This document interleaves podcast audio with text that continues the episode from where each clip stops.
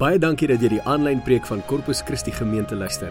Gaan like ons op Facebook by Corpus Christi Panorama en sien waarmee ons besig is en hoe jy kan inskakel. Ons hoop van harte dat jy hierdie boodskap sal geniet en selfs met vriende en familie sal deel. Deel ook gerus die preek op jou Facebookblad. Sit terug, ontspan en geniet die boodskap wat Piet met jou gaan deel.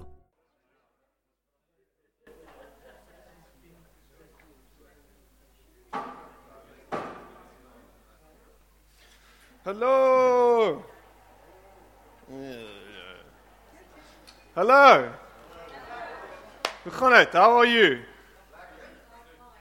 Okay, I'm going to try again. How are you? Lekker. It's so nice to, to be here tonight. So nice to see all of you here. Uh, thank you for coming out and um, not choosing to watch rugby tonight. It's so nice to, to, to see some real, real Christians here tonight. Yes. Yes. Anyway, um, I, I know and I can actually tell you this that um, the All Blacks are trailing as we speak. They are busy losing against Argentina, by the way, if you were wondering. Yes, so I'm just saying that for what it's worth. Uh, it sounds a bit tinny. Maybe you can fix that. Um, if the sound engineer can just fix that. Can you hear me, sound engineer? Should I use sign language? Great. He can hear me. He's a sound guy. He's got ears to hear. And that sounds better. Thank you very much. Um, so, it's 10 past 7. Hopefully, your cell phone is on silent or off. Because for the next hour and a half, baby, we're going to preach up a storm. It's going to be amazing. It's going to be amazing. And afterwards, you're going to go home and you're going to say, and you're going to tell your mom and dad and say, you know what? I'm never going back. it was just way too long. I can't take it anymore. anyway, it's nice to be here. Let's um, close our eyes. I know Vickers has prayed up a storm already, but we're going to pray again and then I'm going to start preaching. Heavenly Father, thank you for being here.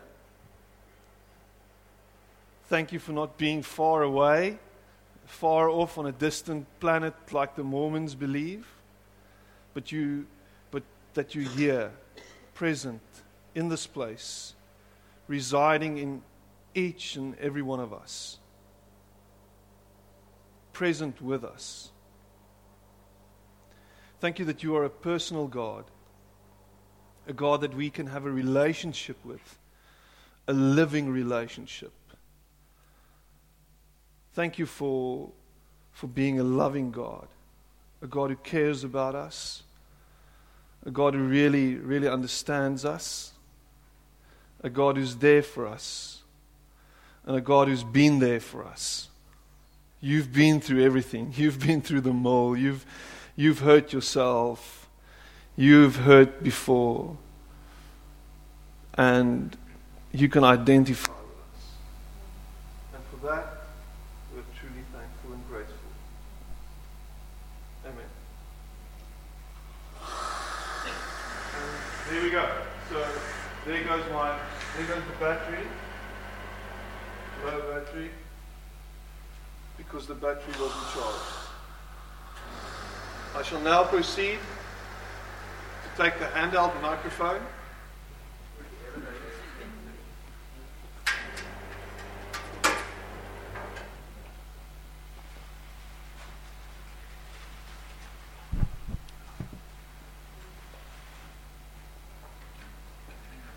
You can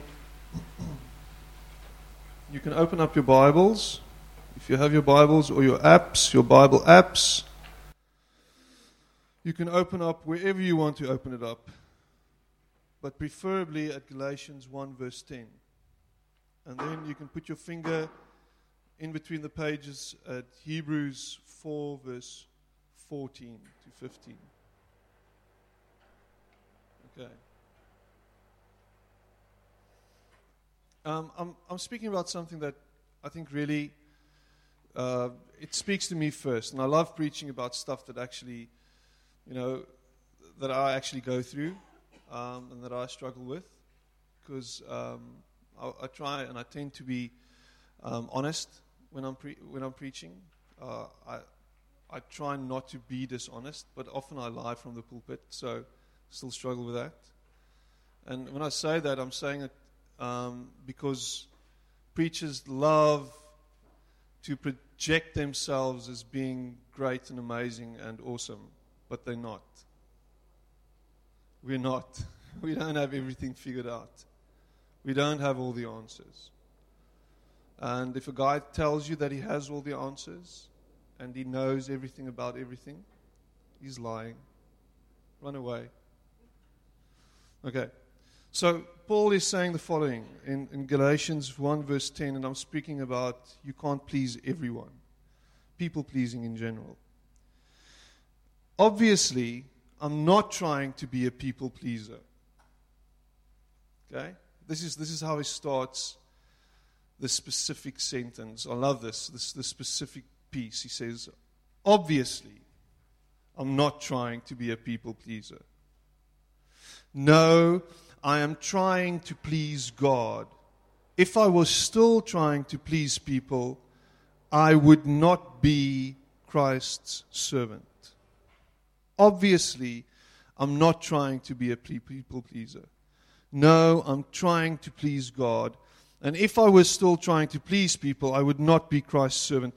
Paul is saying this, the guy who wrote half of the New Testament, is saying, obviously, I'm not trying to please people. I am trying to please God. And what he's saying, he's saying, I'm still struggling with this. I haven't figured this out fully. I, I haven't arrived yet. I am on my way. And I love this about Paul. I love Paul being honest. I love the fact that Paul is saying, I don't have everything figured out. I'm figuring this out. I am not trying to please people. I'm trying to please God. What he's saying is saying you can't do both. You can't please people and please God at the same time.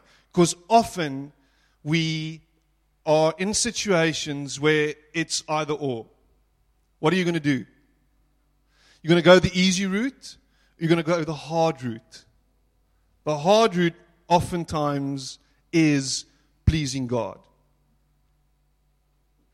And I'm not trying to make this difficult, you know, to follow God is, is very difficult and it's, it's everything, you know, it's, it's this huge sacrifice. It is. That's a given. But you have to make a decision. You have to get yourself at a place where you decide, I'm going to follow God, even if it's going to be tough. And the tough part being living honestly, living with integrity, doing the right things, even if everything is against me. And I want to ask you something tonight. If you look at yourself, you look at yourself in the mirror, and you're honest with yourself, what are you? Are you a people pleaser? Are you a God pleaser? a few characteristics, and maybe you've heard this before, um, of people pleasers. Are you, are you going to finish sometime soon, Matthias?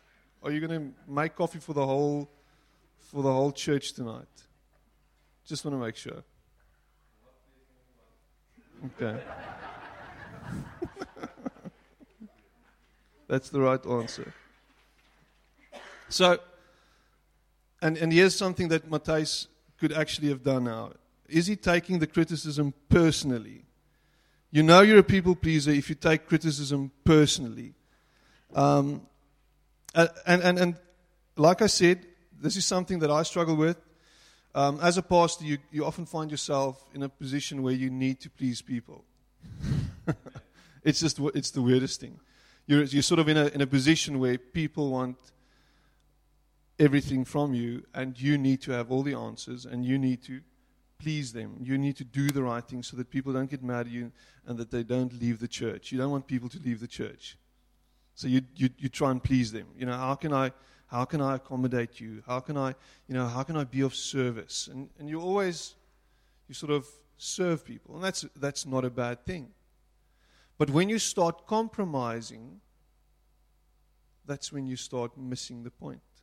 And when you start taking criticism personally, you sort of find yourself in a, in a, in a spot of bother because you, you sort of look at yourself and think, okay, so, so they don't like me as a person. You're being, you're being honest, you're being real, you're trying to speak the truth, you're, you're trying to do the right thing, you're trying to do the thing that God put in your heart. And when people criticize you, you immediately take it personally. And you find yourself in a position where you think, okay, what, what's going on here? You feel an extraordinary fear of rejection. Are you afraid of rejection? That's probably one of the biggest fears any person can have is the fear of rejection. Innately, in our core being, we want to be accepted. We want to be acknowledged. We want to be seen and heard. We want people to look at us and say, I love you. I want you to be part of me. I want you to be part of my life. I want you to be in my inner circle. We want that. We want to be part of something bigger. We want to be part of someone's, of other people's lives. That's what we want to be a part of. But there's this fear that we might be rejected if people knew who I am. And so we start wearing this mask. The real Piet's not coming out anymore. We're trying to sort of fit in everywhere we go. I just want to be seen and I just want to fit in, you know, and, and I compromise on who I am just to be accepted, just to be loved. Maybe you're in a relationship because of the fact that you can't be your real self, your true self because you're afraid of rejection. And every day you're living with this burden, this big lie sort of hanging over your head. I'm pretending. I'm pretending. Because I have to please. I can't be me. I can't be who God made me to be. I don't have an opinion. I can't speak my mind. I can't be true to who I was made to be. You find it hard to express your true feelings. Hand in hand with, the, with, the, with, the, with the previous point. Characteristic of a people pleaser you have a hard time saying no. You just say yes to everything. You're like, yes, man. Yes. Yes. Can't say no because if I say no, maybe they won't ask me again. Then maybe, maybe that, that opportunity won't come again. You know, so, so maybe I have to say yes just to sort of get into the system. You know, just to be part of this friendship circle. Maybe I can, you know, sort of influence them from the inside. You know, I can, I can just be part of this, but I have to say yes. I have to say yes to everything. You know, uh, people don't, don't, don't have to and mustn't see me as a, as a party pooper uh, I can't be seen as someone who's sort of a, and Afrikaans says it so beautifully, a drip. I can't be a drip man. I've got to say, yes, let's go party, yes, let's do this.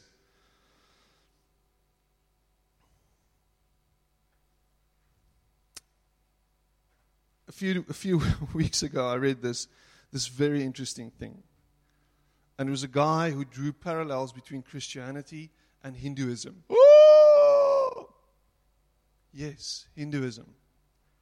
Hinduism. You know any Hindus? You know any, any Hindu people? Who is their God? Do you know? Huh? Who is their God? Who is the God of the Hindus? She's probably one of the millions of gods that Hindus have. Hindus don't worship one God. Hindus got millions of gods. And I love this when he said this. He said, Christians and Hindus are the same in that they are both polytheists. What? And I thought, okay, so he's going to go into this whole Father, Son, and Holy Spirit thing. Let's see this. Three gods equals one, and maybe he's going to say something about that. And he just bumped that out of the water and he said the following He said, No. Christians worship many gods. We worship many gods. We worship money. We worship power. We worship sex. We worship our possessions. We worship our children. We worship our parents. We worship our husbands. We worship our wives. We worship our cars. And he goes on and on and on. We have many idols. Sometimes you you even think when you're reading the Bible that you're worshiping God, but you're actually worshiping your ability to read the Bible. You're worshiping your ability to know all the answers of interpretation. You worship your ability of worship to worship. And we get stuck in this whole in this whole worldview of, you know, we're professing that yes, we, we serve God, but we actually don't.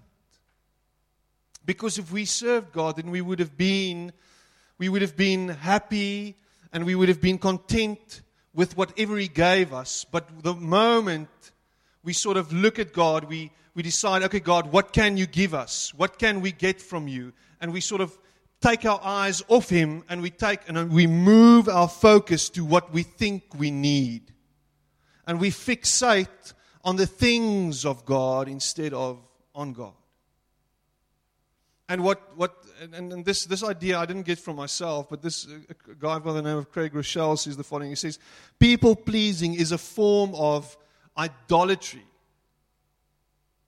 Because we are looking at people to give us worth. We are looking at people to put us in a position of value.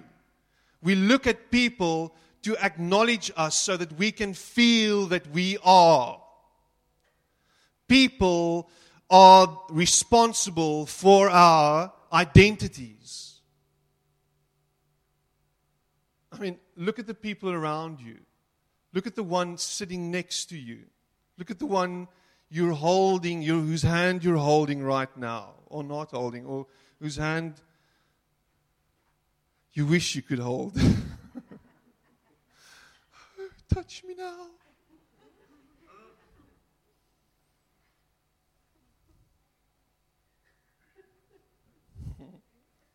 and we look at people and we want people to give us our identities.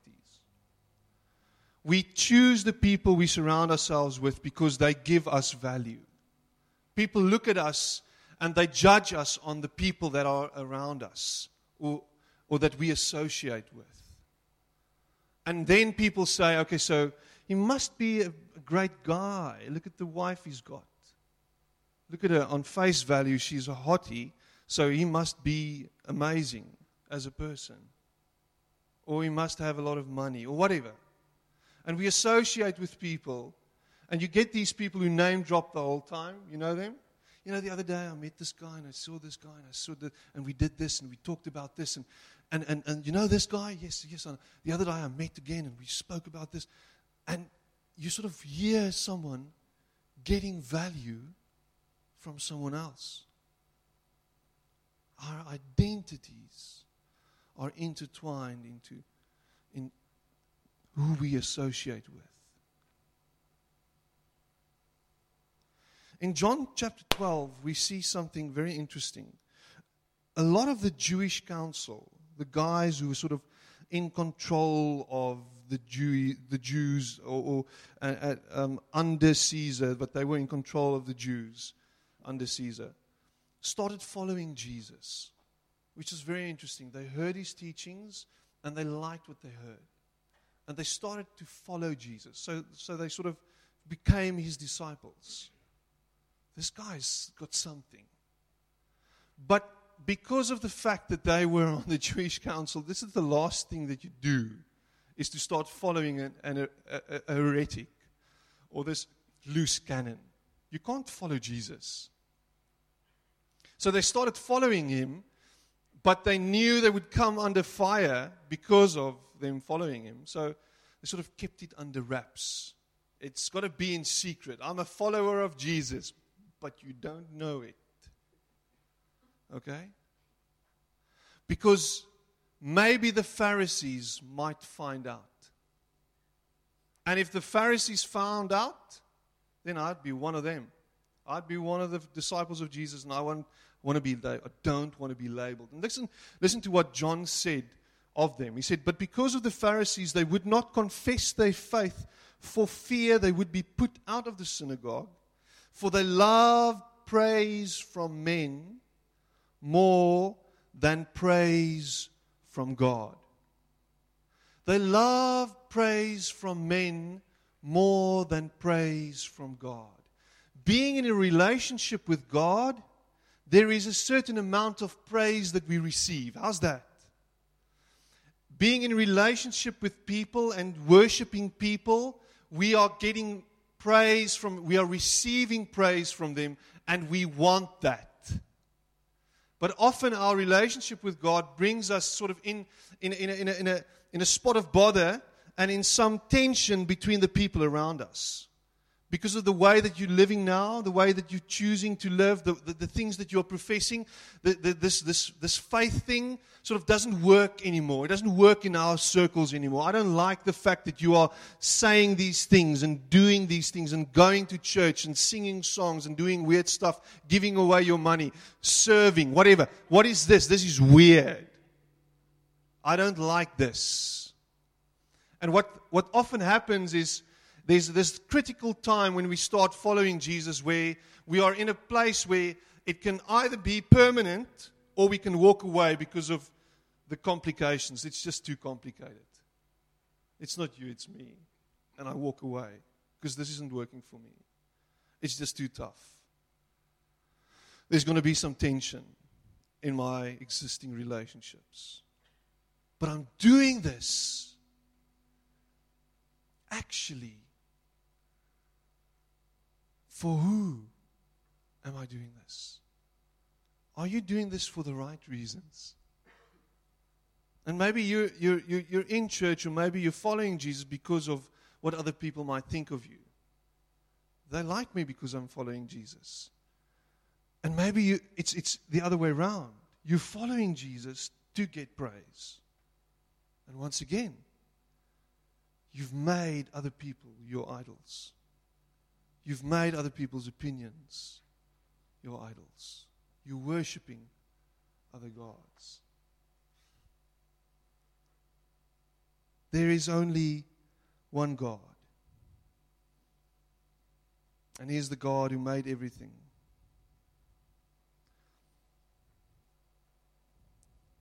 Let's just stop there for a moment. Just park there for a moment. Just for a moment. And I want to draw a parallel to pleasing people and pleasing God. And I want to ask you this following question Why are you following Jesus? Just think about this for a moment. Are you following him, and like I already said, to get acceptance from a group of people? Or are you following him, next point, to work towards getting God's acceptance? Uh, there's a fine line here, and I want you to, to just bear with me for a moment. Are you following Jesus to get God's acceptance? So that you can be in right standing with God? Or are you following God because there's a burning desire to be in a relationship with Him for no other reason than to be in a relationship with Him? The only reason you are following God is to be in a relationship with Him. That's the only reason you are following Him. Or are you following him because of all the things you think you can get, or all the things you think you're supposed to miss because you're following him? All the things you can get, and all the things you can, in Afrikaans, maybe you can help me, spring vry. To avoid because of you following him. Are you following him because of fear? Because of what might happen to you if you don't follow him? And we maybe you grew up in the same sort of church environment that I grew up in, where people sort of the whole time try to get you into the kingdom by sort of forcing you and using fear to motivate you. Maybe you were motivated by fear to follow Jesus. And let me tell you something. If you're in this performance trap where you're supposed to do a whole lot of things and you're being, you're being sort of coerced by fear to follow Jesus, then please run away from this because you're missing the point. To be in a relationship with Jesus is not to avoid hell or to gain a whole lot of blessings. To be in relationship with Jesus is to be in relationship with Jesus and to finding your true self. To find the person that you were supposed to be. To find that person that God made you to be. That's the only place you can find your true self is in Jesus Christ. Your identity comes to the fore the moment you are in relationship with Him and there are no strings attached. And it's not about what you can avoid or what you can gain. All it is, is knowing who you are, discovering who you are made to be. That's all there is. And it's not about impressing Him, it's not about doing a whole lot of things so that God will sort of give you approval. It's not on what I do, based on what I do that gives you God's approval. It's not about that. So, people pleasing and God pleasing are one and the same thing, oftentimes. Pleasing God is honoring Him with your life, giving yourself to Him, and just following Him for the sake of following Him. And in that, finding out who you really are. Stop following him because of all the things you think you can get or all the things you think you can avoid.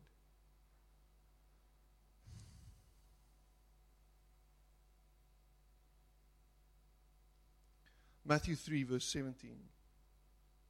Jesus gets baptized. And if you know anything about chronological order, 3 comes before 4, and 4 before 5, and 5 before 6. That's a deep revelation right there.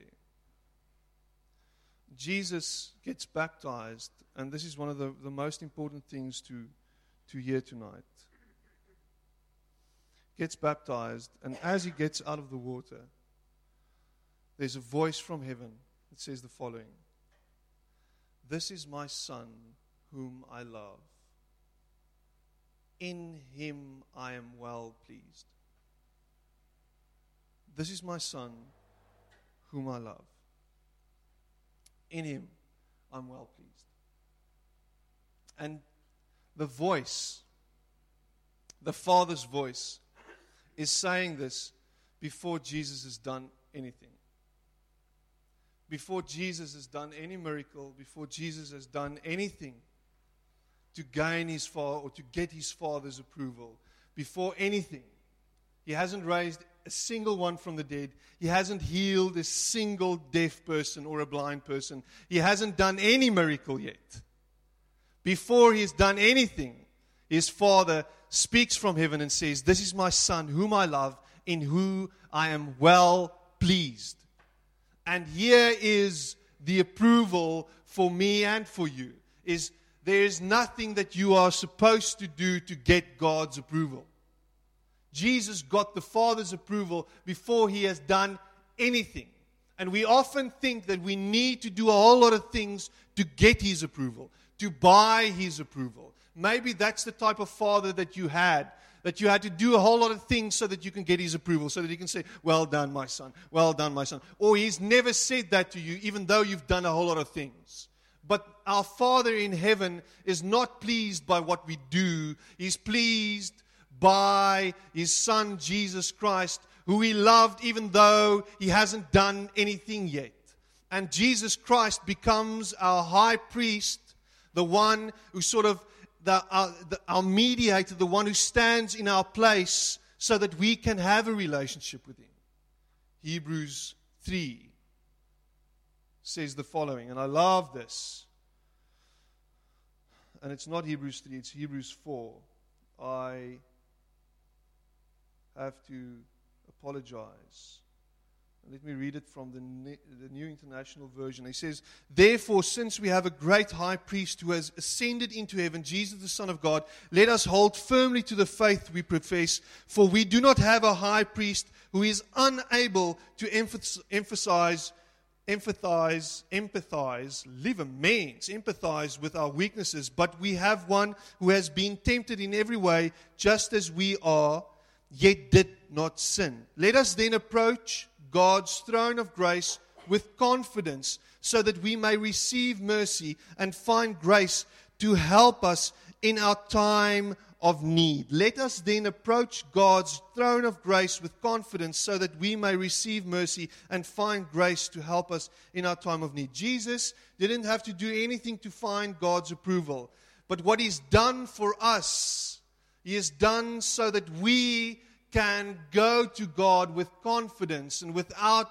having to do a thing to gain His approval. We have found His approval by the things that He has done for us. It's, it's such a weird thing, such a weird concept to grasp that God's grace is what we need and God's grace is what we receive.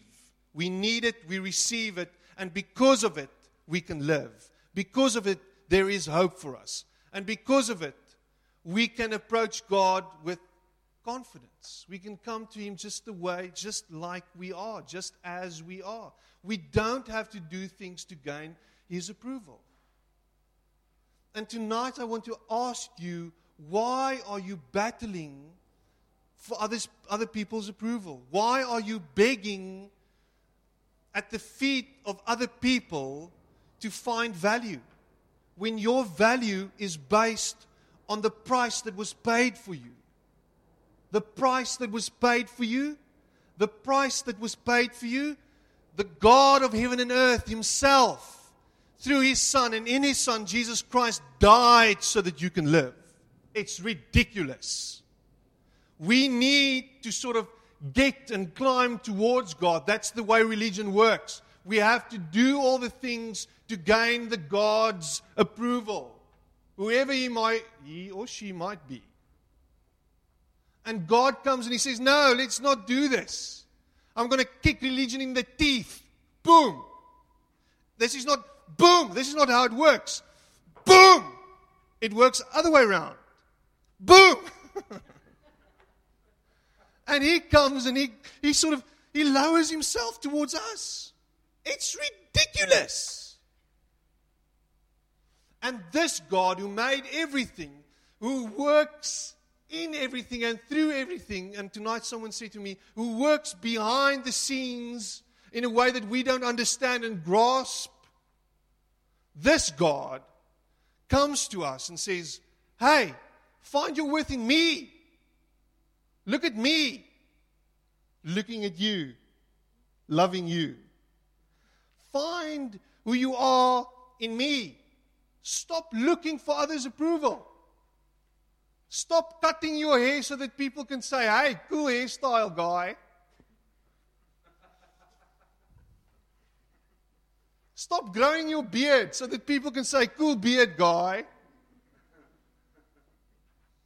And if you're a lady, please shave your legs. That was weird.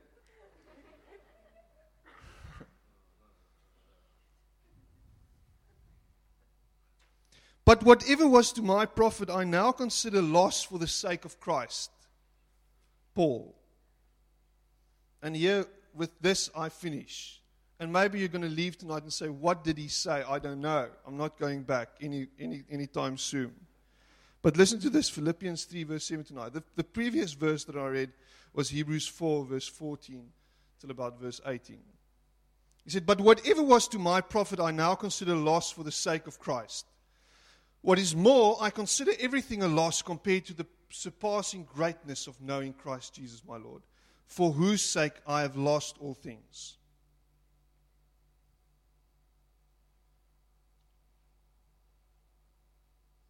He's saying, all you need is Christ. I consider them rubbish that I might gain, that I may gain Christ and be found in him, not having a righteousness of my own that comes from the law, but that which is through faith in Christ, the righteousness, the righteousness that comes from God and is by faith. Whatever was to my profit, I now consider loss for the sake of Christ. What is more, I consider everything a loss compared to the surpassing greatness of knowing Christ Jesus my Lord, for whose sake I have lost all things. I consider them rubbish, that I might gain Christ and be found in him, not having a righteousness of my own that comes from the law, but that which is through faith in Christ, the righteousness that comes from God and is by faith. And he says something, something like this I find my worth and who I am and everything I need in Him. I don't have to follow a whole bunch of rules to get God's approval. Everything else, I consider a loss. I don't need people's approval. I don't need to be part of the in crowd. I don't need to have a certain hairstyle to be appreciated. I don't need to drive a certain car so that people can look at me and say, wow, he's arrived. I don't have to live in a certain place to get, to get people's approval. Paul is saying, I consider everything a loss. I've gained everything I need. I've lost all things. I don't need that. And once you can get yourself at a place where you don't need anything, anything, to find your value or your, your, your, your, your, your truth in, to find who you are in. Why, once you've lost all that, once you've left all that behind, once you've walked away from everything that you think defines you, and you walk into Christ, then you'll find what you truly need. You're sitting here tonight, you're saying, you know what? My life is in shatters, tatters, everything is thickened, everything is broken. I don't have any hope. I don't have any money. I don't have a house. I don't have a car. I don't have clothes. I don't have food. Well, well, well. You might have arrived at the place where God wants to meet you. A place where there's no hope, where everything is lost. A place where everything that you think mattered, that you thought would matter, is gone you will meet him and you will find him. Or you will die.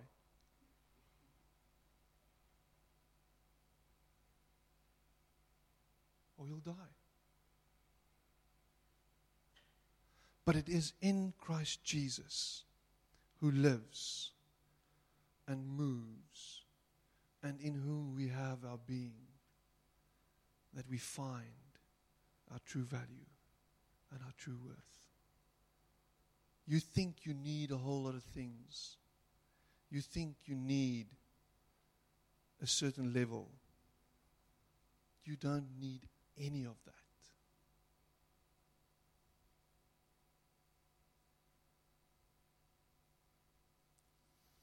But at the same time, if you do have all these things, and you have received a whole lot of stuff, and you have approached and you have arrived and you have, you know, sort of settled in the upper echelons of the world in terms of possessions and what have you, then those things won't matter to you anymore and you won't be defined by them. Because Christ Jesus is everything. I want to be at that place where whatever happens, happen. Whatever I lose, I lose. Whatever goes wrong, goes wrong. And whoever turns their back on me, turns their back on me. And however alone I might find myself to be, I will have everything I need in this world because I have Christ Jesus.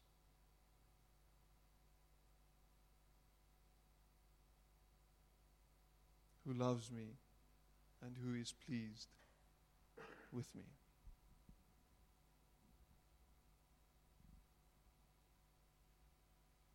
I'll leave you with this.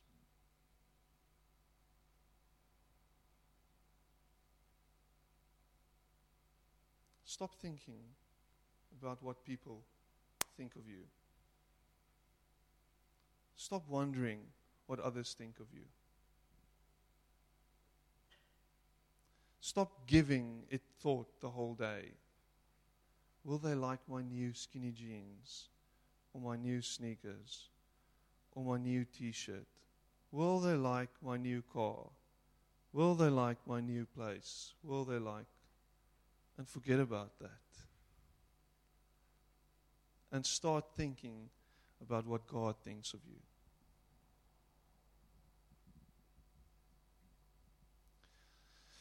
Heavenly Father, thank you for being here and not there. Thank you that you're not up there, somewhere up there in the clouds, over there, watching us from a distance. Thank you that you are here and that you are here inside of me. However weird that might be. I am not God, but you are God. You are God in me. You are Christ in me. And may you become more and more visible in me. May people see you more than they see me. Help me to stop thinking and stop trying to think what other people think of me. And help me to understand and to discover what you think of me. And I pray this in Jesus' name.